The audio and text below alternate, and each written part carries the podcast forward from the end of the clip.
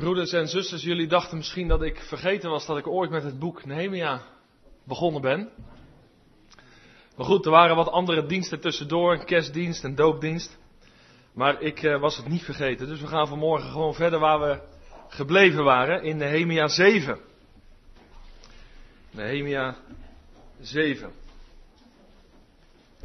Dat is een heel lang hoofdstuk, wat voor het grootste gedeelte bestaat uit een geslachtsregister. En dat gaan we helemaal lezen.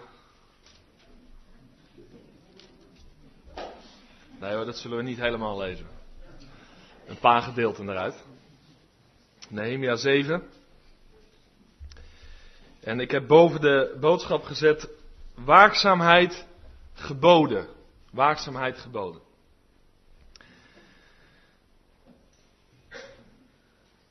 Daar staat in het eerste vers van Nehemia 7 het volgende. Het gebeurde toen de muur herbouwd was, dat ik de deuren plaatste en dat de poortwachters, de zangers en de levieten werden aangesteld. Toen gaf ik met betrekking tot Jeruzalem een bevel aan Ganani, mijn broer, en Ganania, de bevelhebber van de burcht, want hij was een betrouwbaar man en godvrezender dan velen. En ik zei tegen hen, laat de poorten van Jeruzalem niet geopend worden totdat de zon heet wordt. En terwijl de wachters nog in dienst zijn, moeten zij de deuren sluiten en vergrendelt u ze dan. En laat men de, wachtposten opstellen, inwoners van Jeruzalem, ieder op zijn wachtpost en ieder tegenover zijn eigen huis. En de stad was wijd uitgestrekt en groot, maar er woonde weinig volk in. En er waren geen huizen gebouwd. Mijn God gaf mij in het hart dat ik de edelen, de machthebbers en het volk zou verzamelen om zich in het geslachtsregister in te laten schrijven. En ik vond het geslachtsregister van hen die het eerst waren opgetrokken. En dat geslachtsregister vind je ook in Esra 2. Wat het geslachtregister wat in Nehemia 7 staat is wat uitgebreider, maar het is waarschijnlijk het geslachtsregister wat Nehemia gevonden heeft, is dat register wat je in, Nehemia, of in Esra 2 al kan lezen. En ik vond daarin geschreven, dit zijn de bewoners van het gewest die optrokken uit de gevangenschap van de ballingen die Nebukadnezar, de koning van Babel, in ballingschap had gevoerd en die terugkeerden naar Jeruzalem en naar Juda Ieder naar zijn eigen stad. En dan krijg je in vers 7 de leiders. En dan krijg je vervolgens het geslachtsregister. Dan pakken wij de draad weer op in vers 61. En daar staat het volgende. En dit waren degenen die optrokken uit Tel Melach en Tel Garza, Gerub, Addon en Immer. Maar die niet konden vertellen wie hun familie en wat hun afkomst was, of zij van Israël waren kom daar straks nog op, maar dat is dus een van de redenen waarom voor een Jood een geslachtsregister heel belangrijk was. De nakomelingen van Delaya, de nakomelingen van Tobia, de nakomelingen van Nekoda, 642. En van de priesters, de nakomeling, nakomelingen van Gabaya, de nakomelingen van Gakos en de nakomelingen van Barzillai, die een vrouw genomen had uit de dochters van Barzillai uit Gilead en naar hun naam genoemd was. Deze zochten naar hun inschrijving onder hen, die in het geslachtsregister waren ingeschreven. Maar het werd niet gevonden. Daarom werden zij als onrein van het priesterschap geweerd.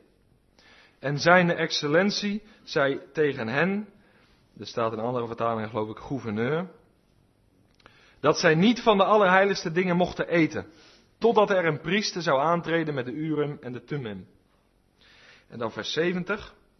Een deel van de familiehoofden gaf een bijdrage ten behoeve van het werk. Je ziet dus daar ook in Jeruzalem vrijgevigheid onder alle lagen van de bevolking om ook financieel het werk of praktisch van Jeruzalem te ondersteunen. En zijn excellentie gaf voor de schatkamer duizend drachma aan goud, 50 sprengbekkens en 530 onderkleden voor de priesters. En andere van de familiehoofden gaven voor de schatkamer ten behoeve van het werk 20.000 drachmen aan goud en 2000, 2200 ponden aan zilver. En wat de rest van het volk gaf, was 20.000 drachmen aan goud, 2000 ponden aan zilver en 67 onderkleden voor de priesters. De priesters en de levieten en de poortwachters en de zangers en sommige van het volk en de tempeldienaren en heel Israël woonden in hun steden. Tot zover Nehemia 7.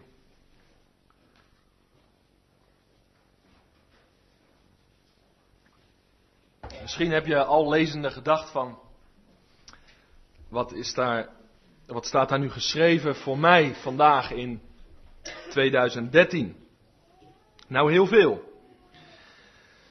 Waakzaamheid geboden heb ik erboven gezet. Nehemia 7.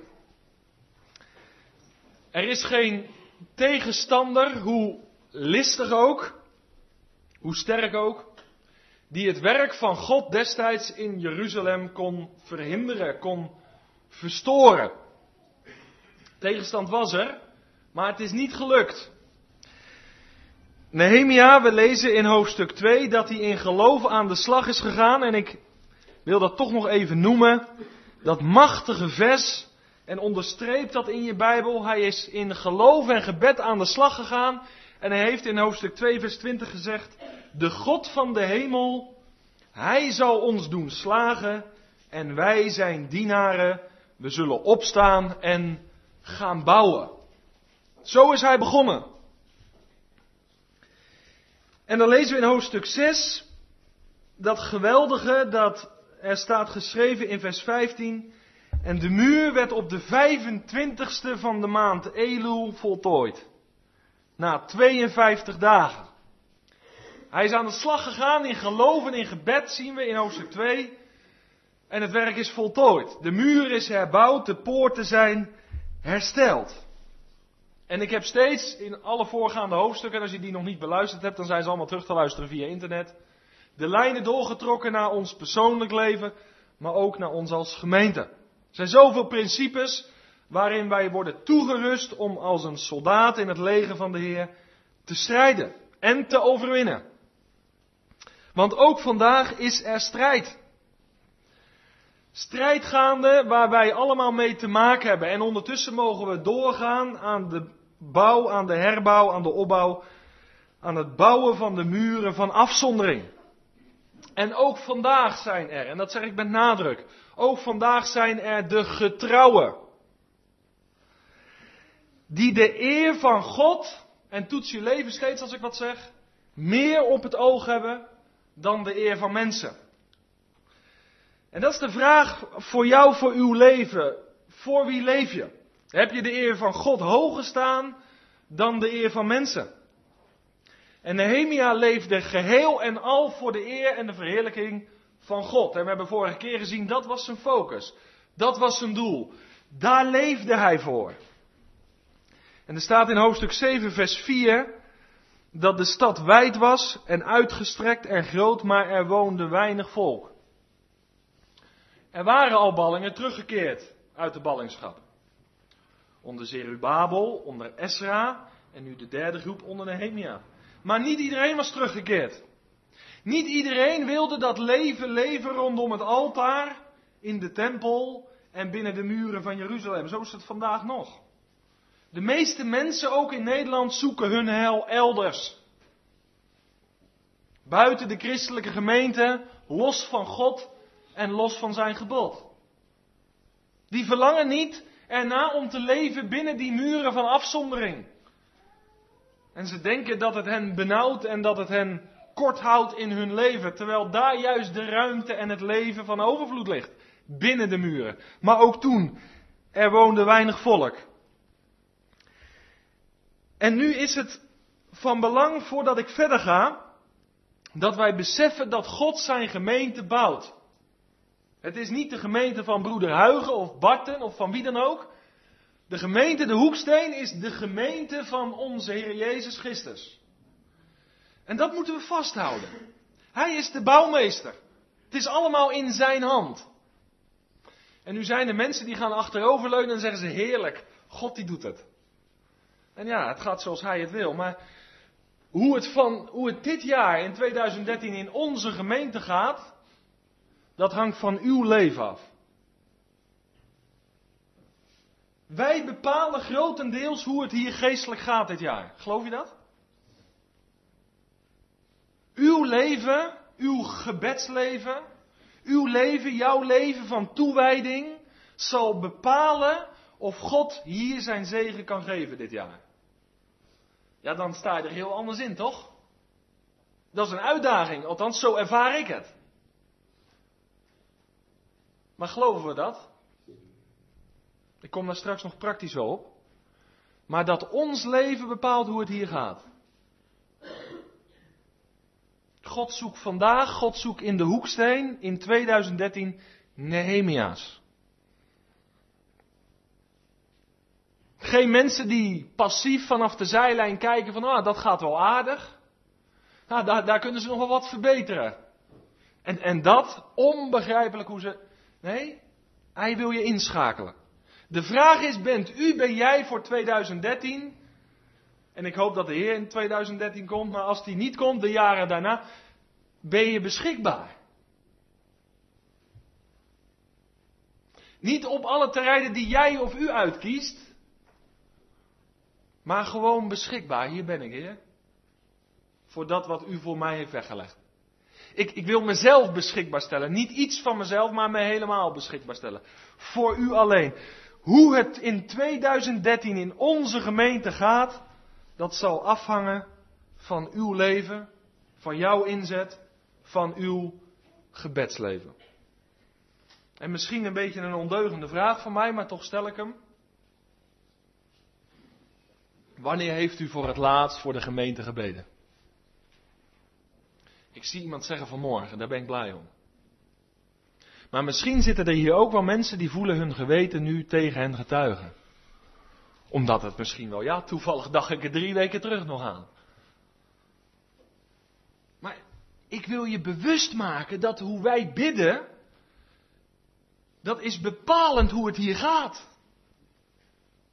En als je één keer de kracht van gebed in je leven ervaren hebt, ja, dan hoef ik je niet aan te sporen. Dan zeg je, ik ga bidden, ik ga mijn knieën. Ik ga bidden totdat er verandering is. En daartoe wil ik je aanzetten vanmorgen. Nee, ik wil je niet aanzetten. Ik hoop dat de geest je zo in vuur en vlam zet dat je zegt: hé, hey, God gebruikte Nehemia, één man, die een volk in beweging bracht om de muren te gaan herbouwen, de poort te gaan herstellen. En daar kom ik straks op. Het leven binnen de muren kwam op gang. En daar zat God om te doen. God zoekt Nehemia's. En nu kan je het hoofdstuk indelen in twee grote lijnen.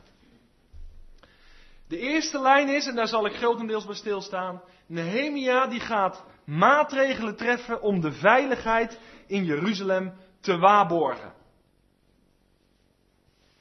En de tweede lijn in dit hoofdstuk is dat hij vervolgens begint om het volk ook te ordenen door middel van een geslachtsregister. En dan moet je niet afhaken, het is een buitengewoon interessant hoofdstuk. En ik heb er gewoon zin in om dit te gaan delen vanmorgen. Dat zijn de twee lijnen: veiligheidsmaatregelen en het opstellen van een geslachtsregister. Je zal zeggen, veiligheidsmaatregelen, is dat nodig dan? We hebben in hoofdstuk 6 gezien, de muren waren hersteld, herbouwd. De poorten waren hersteld, er zat geen bres meer in de muren. Maar een simpel voorbeeld, ieder voorbeeld gaat mank. Wie heeft er wel eens een zandkasteel gebouwd? Voor sommigen misschien heel lang geleden. Maar dat je een zandkasteel bouwde. Nou, de kinderen weten dat wel. Dan ben je aan het bouwen en dan, dan bouw je een, een, een muur. En dan heb je natuurlijk vormpjes en daar doe je zand in. En die vormpjes zet je op die muur. Hè. Dan maak je wat pilaren of hoekpunten. En je gaat natuurlijk graven met je hand, zodat er een, een poort komt waardoor je naar binnen kan. En je zet er wat poppetjes in. En misschien maak je nog wel een gracht eromheen. En, en, en dan heb je een zandkasteel. En misschien, je, was zo intensief bezig dat je misschien wel verbrand bent. Want je had niet meer in de gaten dat het zonnetje ook scheen. Je was zo bezig in je zandkasteel. En dan heb je hem op een gegeven moment na lange tijd af. En dan ga je ermee spelen. Dus dan gaat het leven binnen, de zandka- binnen het zandkasteel beginnen. Nou, daar ging het om. Maar nou heb je hem gebouwd. En toen je gebouwd had, dan, dan komen er wel eens van die vervelende kinderen bij. Van andere gezinnen die gaan vervelend doen. Die geven een tik tegen dat paaltje of tegen die toren die jij net gebouwd hebt. Of... Dus, dus wat ga je doen? Je gaat, het, je gaat het beschermen. Ho ho, loop even gewoon om. En waarom doe je dat? Nou, je hebt, je hebt er twee uur aan gebouwd. Het heeft energie, het heeft inspanning gekost. En nou heb je een bouwwerk en je wil ermee gaan spelen. En dan komen er mensen langs, jongelui langs, kinderen langs. Die willen het vernielen. Simpel voorbeeld, hè? Maar dit is wat Nehemia gaat doen. Het gaat God niet in de eerste plaats om de muren. Het gaat God er niet om dat wij, dat wij in de eerste plaats leerstellig alles helder hebben. Het gaat om het leven binnen de muren. God wil dat we echt gaan leven met Hem. Maar daarom moeten we eerst de muren herbouwen, herstellen, de poort herstellen. Maar dan vervolgens ook het leven gaan beoefenen binnen de muren. En zorgen dat er van buitenaf niets binnenkomt wat verontreinigt. En aanvallen afweren die ons bedreigen. Een simpel voorbeeld van het zandkasteel. Dat is het verhaal van Nehemia 7. En ik had nu amen kunnen zeggen. Maar we gaan nog even verder. Blijf luisteren. Hij gaat maatregelen nemen. Is dat nodig? Nou, ik heb middels het zandkasteel uitgelegd, toegelicht dat het nodig is. Voor Jeruzalem destijds. Het is zo machtig als je vanaf Nehemia 1 leest tot en met het hoofdstuk waar we nu zijn. Nehemia heeft de last van God gekregen, de nood van zijn volk. De muren kapot. Hij is gaan bidden. Hij is in geloof aan de slag gegaan. Hij heeft strijd gehad, van binnenuit, van buitenaf. Hij heeft overwonnen. En nu die zoveel werk verricht heeft met het volk, zegt hij niet, nou ja, we leggen nu het beltje erbij neer, want ja, we zijn er. Nee, nu begint pas het leven. En daar gaat het om. Heel veel mensen zijn bezig met allerlei statements te maken, visiedocumenten, documenten, kerkelijke bedrijfsplannen. Maar het gaat erom, leeft het binnen de poorten? Daar is het God om te doen. En dan moeten we zorgen dat de poorten van de gemeente niet doorbroken worden. En dat er geen onreine dingen binnenkomen. En dat had Nehemia begrepen. Het gaat God niet zozeer om de herbouw van de poorten en de muren, maar om het leven daarbinnen. Kortom, God verlangt een toegewijd leven van de inwoners rondom het altaar, de tempel en binnen de poorten. Dat was Jeruzalem. En ik weet in mijn leven, ik ben tot geloof, tot bekering gekomen in de zomer van het jaar 2000. Dat is mijn geboortejaar. En ik heb daarvoor vanaf het jaar 96 tot de zomer van 2000 een enorme strijd gehad. Ik zocht naar vrede met God. En dat mis ik wel eens ook veel in evangelische kringen. Ja, mijn vader was een kind van de Heer mijn oma. Ja, ik zal het ook wel zijn. Ja, maar zo werkt het niet. God moet iets nieuws in je beginnen. Leven uit God ontvangen. En dat hoeft niet vier jaar te duren, maar ik heb een zoektocht gehad. Ik, ik, ik, ik, ik, ik zat meer in de kerk dan dat ik er niet zat. In allerlei kringen, ik had geen onderscheid. Maar ik wilde vrede met God hebben. En ik ging door totdat ik het had. En ik kan het met Paulus zeggen, in de zomer van 2000 behaagde het God om zijn zoon in mij te openbaren. Dat vergeet je niet meer. Nieuw leven. Maar nou komt het, want daar wil ik naartoe. Toen dacht ik, nou ben ik er. Ik had zo'n verlangen, als ik nou maar zekerheid heb, hè, dat ik zekerheid heb dat ik behouden ben. Dan interesseert het me niet meer op brand heel de wereld af. Maar ik ben behouden. Maar toen ging God me leren, nu begint het leven pas. Nu pas, niet daarvoor. Nu, als je Jezus hebt, dan heb je pas leven.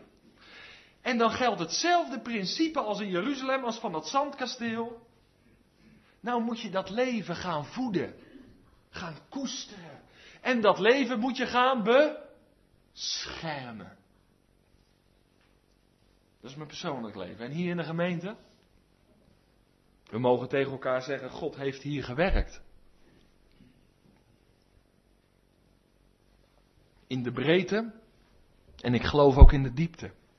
Ik geloof in de kwantiteit, maar ik geloof ook in de kwaliteit.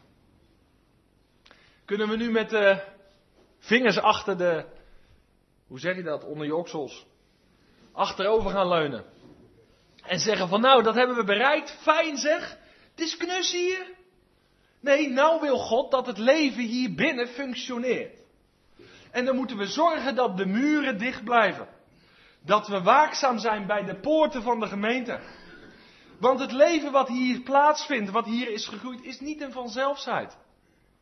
En daarom God vraagt vandaag Nehemia's, we moeten als heilsoldaten dat geschonken leven beschermen. En iets beginnen, en laten we gewoon maar eerlijk naar elkaar zijn, iets beginnen in het leven is niet zo moeilijk. Je kan hier komen en, en ik ben blij dat er weer broeders en zusters zich aansluiten. En als je in een geoliede machine komt, dat is helemaal niet moeilijk. Dat is fijn en dan ben je enthousiast. Maar weet je wat we nou met elkaar moeten afspreken? Ik zou bijna vragen, zullen we een verbond gaan sluiten met elkaar? Niet dat je het met mij sluit, maar met God in de hemel. Dat je niet alleen in het begin enthousiast bent, maar dat je nou op lange termijn enthousiast blijft. Want als Nehemia alleen had geprezen, ik heb de muur herbouwd, prijs de Heer. En hij had dan de boel gelaten voor wat het was, had er niks van terecht gekomen. Begrijp je wat ik bedoel? Wij moeten dat leven wat God geschonken heeft koesteren. We moeten leren als discipelen te wandelen. Dat vraagt discipline. Te midden van strijd. Volharden te midden van tegenstand. Niet bij het minste of geringste je terugtrekken. Maar het gesprek aangaan. Biddend bezig zijn binnen de muren. In het geloof dat de God des hemels, die zal het ons doen gelukken. Dus leven moet je koesteren en in stand houden. Niet alleen in het begin enthousiast zijn, maar enthousiast blijven, ook als er eens moeilijkheden komen. Of als je een broeder tegenkomt die je iets minder ligt dan die ander. Niet in een hoekje wegkruipen of je gezicht omdraaien, maar samen optrekken, schouder aan schouder in dienst aan de Heer. Welke, welke maatregelen treft Nehemia? Want ik heb duidelijk gemaakt, Jeruzalem, je persoonlijk leven, het gemeenteleven, dat leven moet beschermd worden. Welke maatregelen treft Nehemia? Nou, hij stelt een aantal groepen mensen aan. Daar gaan we eens naar kijken. Dat is bijzonder. En dan moet je even in je hoofd houden dat het veiligheidsmaatregelen zijn. Hij stelt drie groepen mensen aan. In de eerste plaats poortwachters. In de tweede plaats zangers. En in de derde plaats levieten. Dat lees je allemaal in vers 1.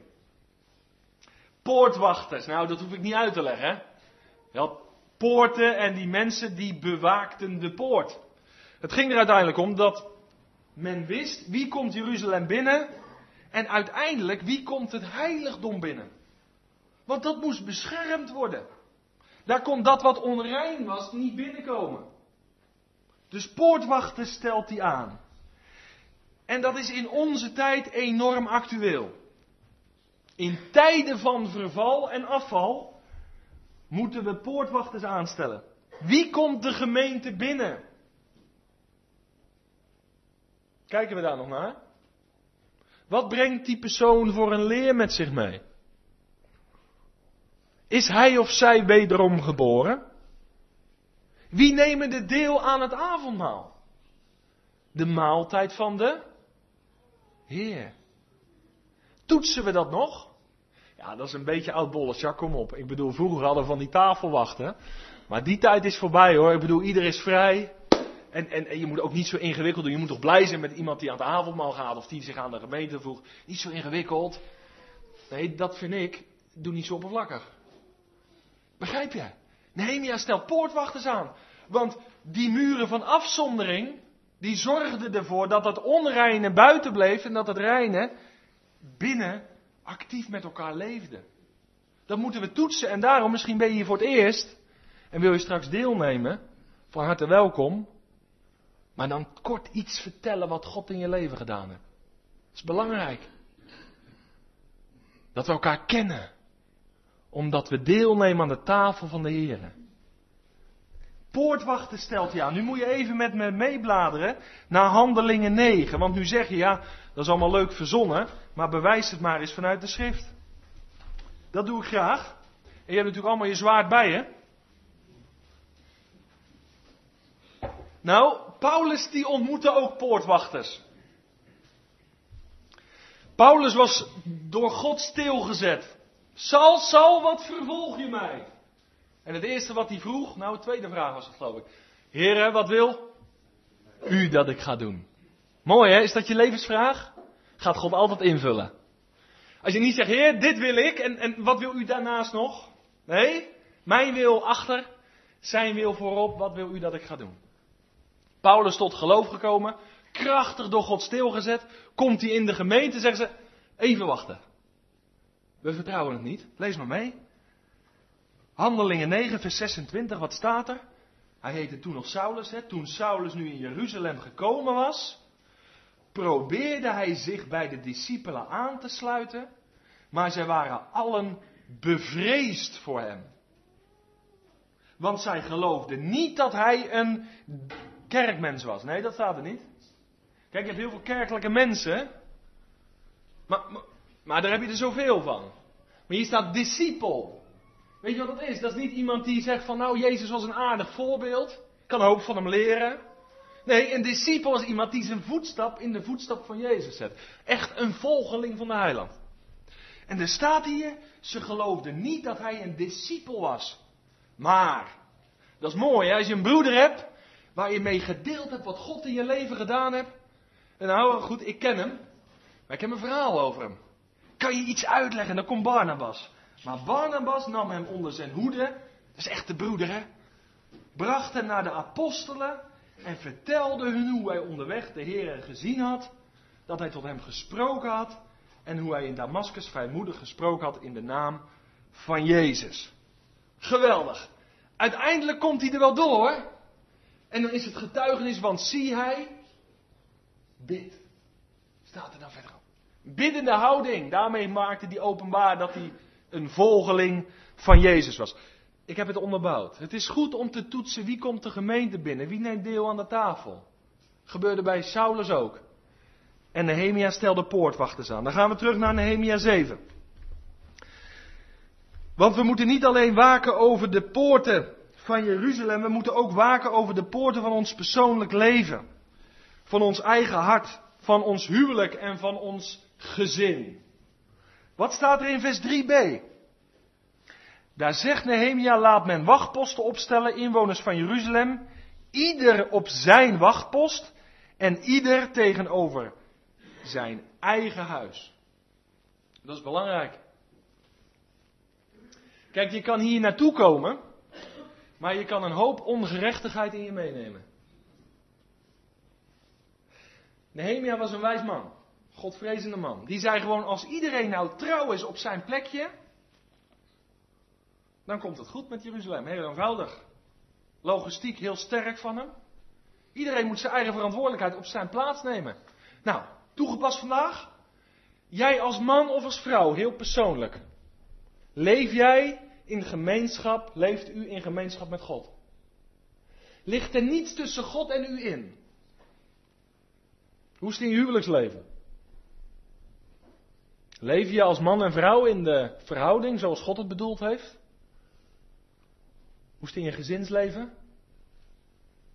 Als wij in onze persoonlijke levens, in ons huwelijk en onze gezinnen zo leven, zoals God dat verlangt, heilige, afgezonderde levens, toegewijd aan Hem helemaal, en we komen dan hier samen,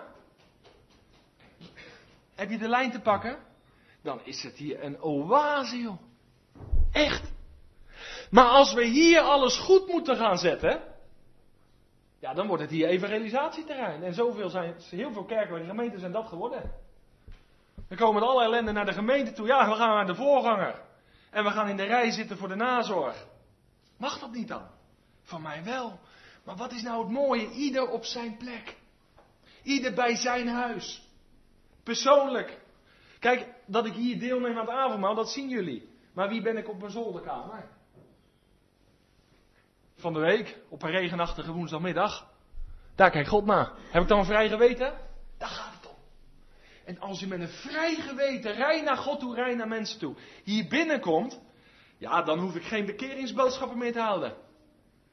Zeg, geliefde in de Heer Jezus Christus. Geheiligde, toegewijde broeders en zusters. We gaan verder in de verdieping van de kennis van onze Heer Jezus Christus. Begrijp je wat ik bedoel? Maar als de kerkelijke gemeente een plek wordt waar alles rechtgezet moet worden.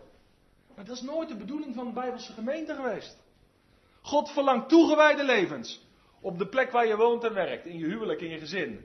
En dan komen we vervolgens op zondag samen. Nou, dan kan je wat delen. Eh, wat heb jij van de week geleerd, joh? Dat is geweldig. Straks onder de koffie. Nou, ik las van de week uit Marcus 3 dit en dit. En daar heeft de Heer me dit meegeleerd. Geweldig, daar kan ik van de week weer wat mee. Begrijp je zo? En dan kom je als geheiligde, toegewijde mensen bij elkaar. Ja, dan gaan hier nog meer dingen gebeuren. Joh. Dan is binnen de kortste keer het gebouw te klein. Dan gaat de muur eruit. Dan moeten we uitbreiden, parkeerterrein erbij. Begrijp je? Maar we zijn heel veel aan, aan pappen en nat houden. Beetje pleisteren. Nee, als we nieuwe schepping zijn, dan zijn we toegewijde mensen. En dat begint hier persoonlijk. In mijn huwelijk, in mijn gezin en dan in het huisgezin van God. Het leven binnen de poorten, daar gaat het God om. Tweede groep, ik moet vlug verder joh, ik heb zoveel te delen. De zangers. Nou, dit vond ik een van de meest onbegrepen maatregelen die Nehemia neemt. Dan ga je de stad beveiligen. Moet je over nadenken. En dan ga je zangers aanstellen. Nou, je zou toch. Hè, dat was er toen nog niet, maar wapens en, en speren. En, die stel je aan om te beveiligen. Nee, zeg Nehemia. Ik heb poortwachts, ik heb ook zangers. Lofprijzing en aanbidding. Is dat ter beveiliging? Ja, dan moet je maar luisteren. Dat gaan we zo zien. Dat vond ik zo mooi. En dat mag best enthousiast. En ik heb dat ook moeten leren. Ik moet dat nog leren. Ik zit soms vast. Maar je mag best dankbaar zijn naar God. Hem loven en hem prijzen om wie hij is. Dat is bijzonder. En wat kan lofprijzing en aanbidding je bemoedigen? Je kan helemaal in vervoering komen gewoon. En misschien zeggen mensen dan, word eens nuchter joh. Maar laat God je in vervoering brengen. Lofprijs en aanbidding. Maar uiteindelijk, waar gaat het om? Om de verheerlijking van Hem. Die dat goede werk in Jeruzalem, maar ook in ons hart, in onze gemeente begonnen is. Hem eerbieden, Hem hulde bieden, Hem glorie brengen.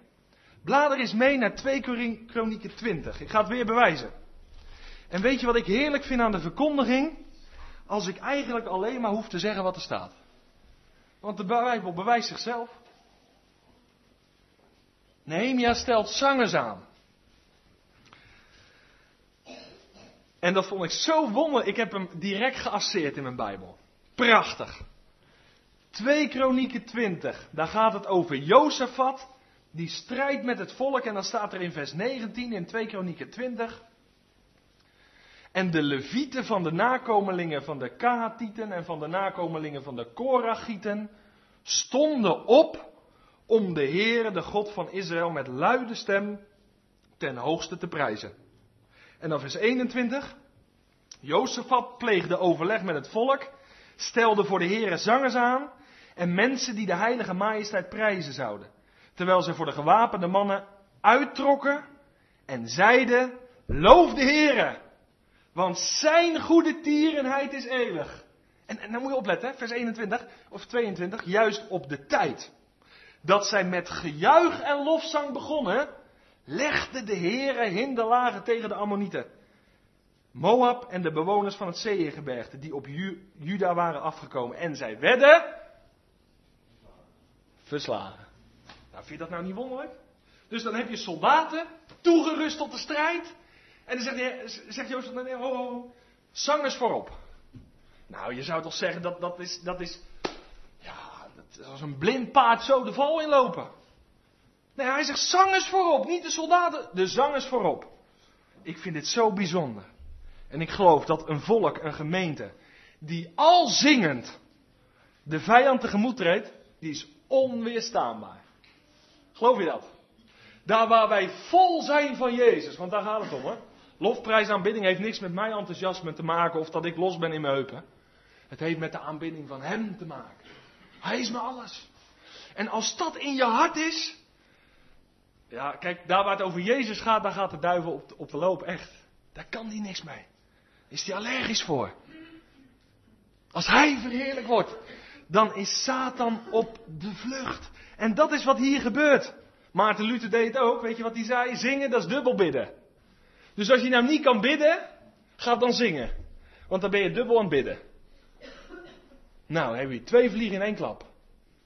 En ik heb het zelf ook gedaan. Ik moest een keer in Noord-Holland spreken. Ik had zo vrijmoedig gesproken en soms denk ik dan wel eens van. Ja, net noemt dat altijd ongeloof, maar dan denk ik, nou zal de klap wel komen. En ik reed terug en ik reed helemaal verkeerd. Ik was op een gegeven moment bij Den Haag. En, en volgens mij ik Gideon aanstaan. Maar ik was zo aan het zingen, alleen in mijn wagen. En dat, dat vind je misschien wel bijzonder, ik doe het wel vaker, gewoon voluit zingen. En ik was in één keer bij Den Haag, terwijl ik bij Utrecht eraf moest richting Breda. Maar ik was gewoon helemaal, ja, waar was ik? Heerlijke momenten. Gemeenschap met God achter het stuur. En dan zingen van Hem. En de vijand heeft geen grip meer op je. Dat is wat Nehemia zegt. De zangers voorop. Colossense 1 vers 16 zegt, laat het woord van Christus in rijke mate in u wonen. In alle wijsheid onderwijs elkaar met terecht met psalmen, lofzangen en geestelijke liederen. Zing voor de Heer met dank in je hart. Nou, lofprijs en aanbidding, dat gaat voorop. Geweldig hè? En dan als laatste levieten. De levieten die waren de helpers bij priester, bij van de priesters bij hun werk in het heiligdom. Door God uitgekozen. En nu komt er iets, de levieten die hielpen de priester, maar de levieten onderwezen het volk ook in de wet. De wet had dus ook binnen Jeruzalem, binnen de poorten, binnen de tempel, onder het volk een belangrijke plek. En levieten waren toegewijde mensen. Met huid en haar verbonden aan de God van Abraham, Isaac en Jacob. Vandaag zijn de gelovigen individueel, maar wij hier collectief. Het heiligdom van God. Toch? Dat betekent dat wij, ieder individueel en gemeente als collectief, de priesterdienst op ons hebben gekregen. En de mannen in de huwelijken en gezinnen, die zijn bovenal priester. En zo moet je ook gedragen. Hè? Je moet je gedragen zoals je, wie je bent. Maar wij zijn individueel dus allemaal priester. We hebben de priesterdienst ontvangen. We mogen ons leven, en ik hoop dat dat echt een vreugde voor je is. We mogen ons leven brengen als een levend dankoffer. Ja, ik kan niet meer offeren, Nee, dat heb je niet begrepen. Hier, dit, 2 meter 4, dat is voor u. Mijn denken, mijn handel, mijn wandel, alles voor u. Ik leef niet meer voor mezelf. Ik offer mijn lichaam, mijn leven, zeven dagen in de week, 24 uur per dag. Nee, dat is liefdedienst.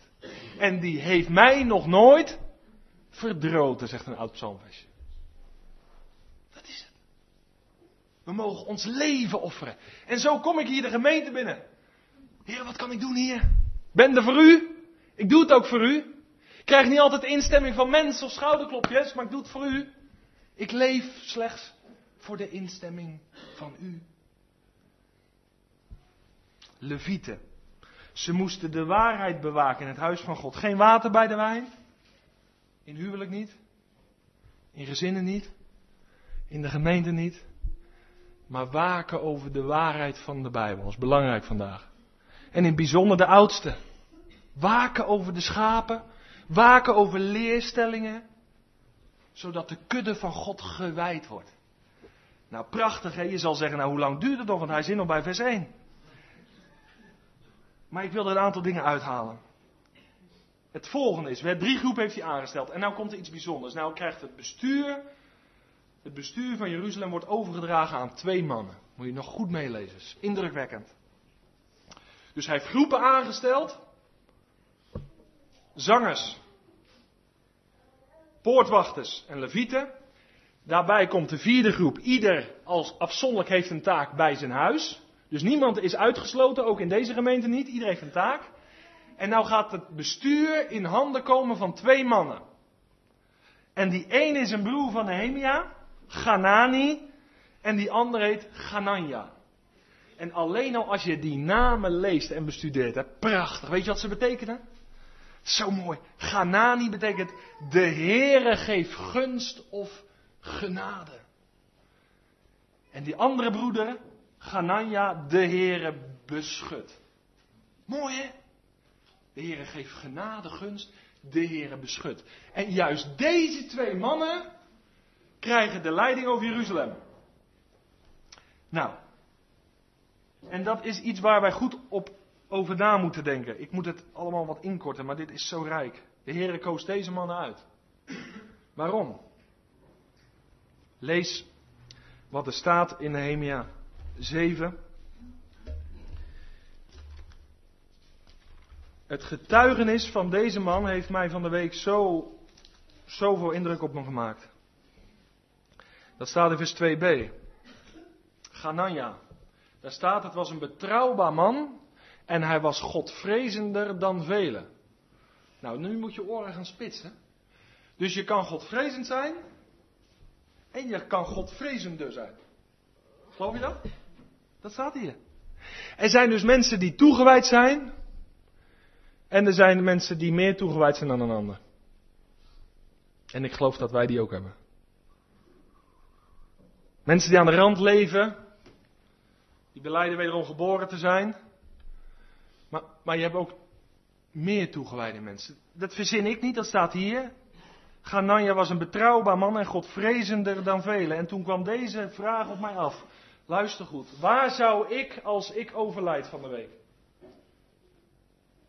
En ik zou deze week nog begraven worden. Waar zou ik blij mee zijn met wat voor getuigenis? Dat als jullie aan mijn kinderen zouden vragen, kan je nou kort samenvatten, waar bestond het leven van je vader nou uit? Ja, mijn vader had geld, joh. Bijzondere man. Hoe hij het verworven heeft, ongekend. Altijd aan het werk. Nee, dat kunnen ze, geld heb ik niet, dus dan weet je dat ook gelijk. Ja, mijn vader had titels. Hij was niet alleen ingenieur, maar hij was ook meester in de rechten. Nou, dat heb ik ook niet. Maar stel voor dat ik ze heb. Hij was hoogleraar in Utrecht Universiteit. Ja, geweldige man. Boeken geschreven, indrukwekkend. Weet je, ik hoop dat dit het getuigenis is van mijn kinderen als ik sterf. Dat ze zeggen, we kunnen niet zoveel over onze vader zeggen. Maar hij was een betrouwbaar man. En hij was godvrezender dan velen.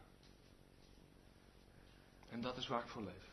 Niet om mij iets te laten zijn, maar dat in mijn leven openbaar was en dat mijn kinderen proefden dat ik echt zout was. Dat ik echt het onderscheid maakte. Dat ik echt licht was. God vrezende dan velen. En hoeveel ouders zijn niet bezig? Als mijn kind maar zus. En als die maar de leukste is. En als ik maar de knapste ben. En de leukste kleding heb. En het meest in het oog spring. Als ik maar titels heb. En carrière. God vrezende dan velen. Heere God, maak dat tot het getuigenis van mijn leven. Weet je dat? Als dat individueel hier gebeurt, hè, dan krijgt dat beslag in het geheel. Dan krijgt God de eer. Zo'n diep getuigenis dit. Ik ga afronden. Oswald Chambers heeft gezegd. Ik heb dat eerder aangehaald. En hij heeft dat dagboek geschreven. Het uiterste van mij. Voor het hoogste van hem. En dat is hoe je Godvrezende mensen krijgt. Wat mag er wandel met u, wat mag de toewijding aan God u jou kosten? Als wat Chambers zei, ik wil het, het hoogste van hem. Ik, ik herken me er zo in. En dat mag het uiterste van mij kosten. Dan krijg je zo'n getuigenis. Omdat je met huid en haar verbonden bent aan de zaak van God. En dat mis ik bij heel veel christenen vandaag. We zijn zo tevreden. Ja, in de negatieve zin dan tevreden, want tevredenheid is een gave van God. Maar begrijp je wat ik bedoel? Zo, lauw. En dan ga ik een uitspraak, er is een bekende uitspraak die zegt dit, moet je goed luisteren. Moet je goed luisteren. Het beste is de vijand van het goede. Moet je over nadenken.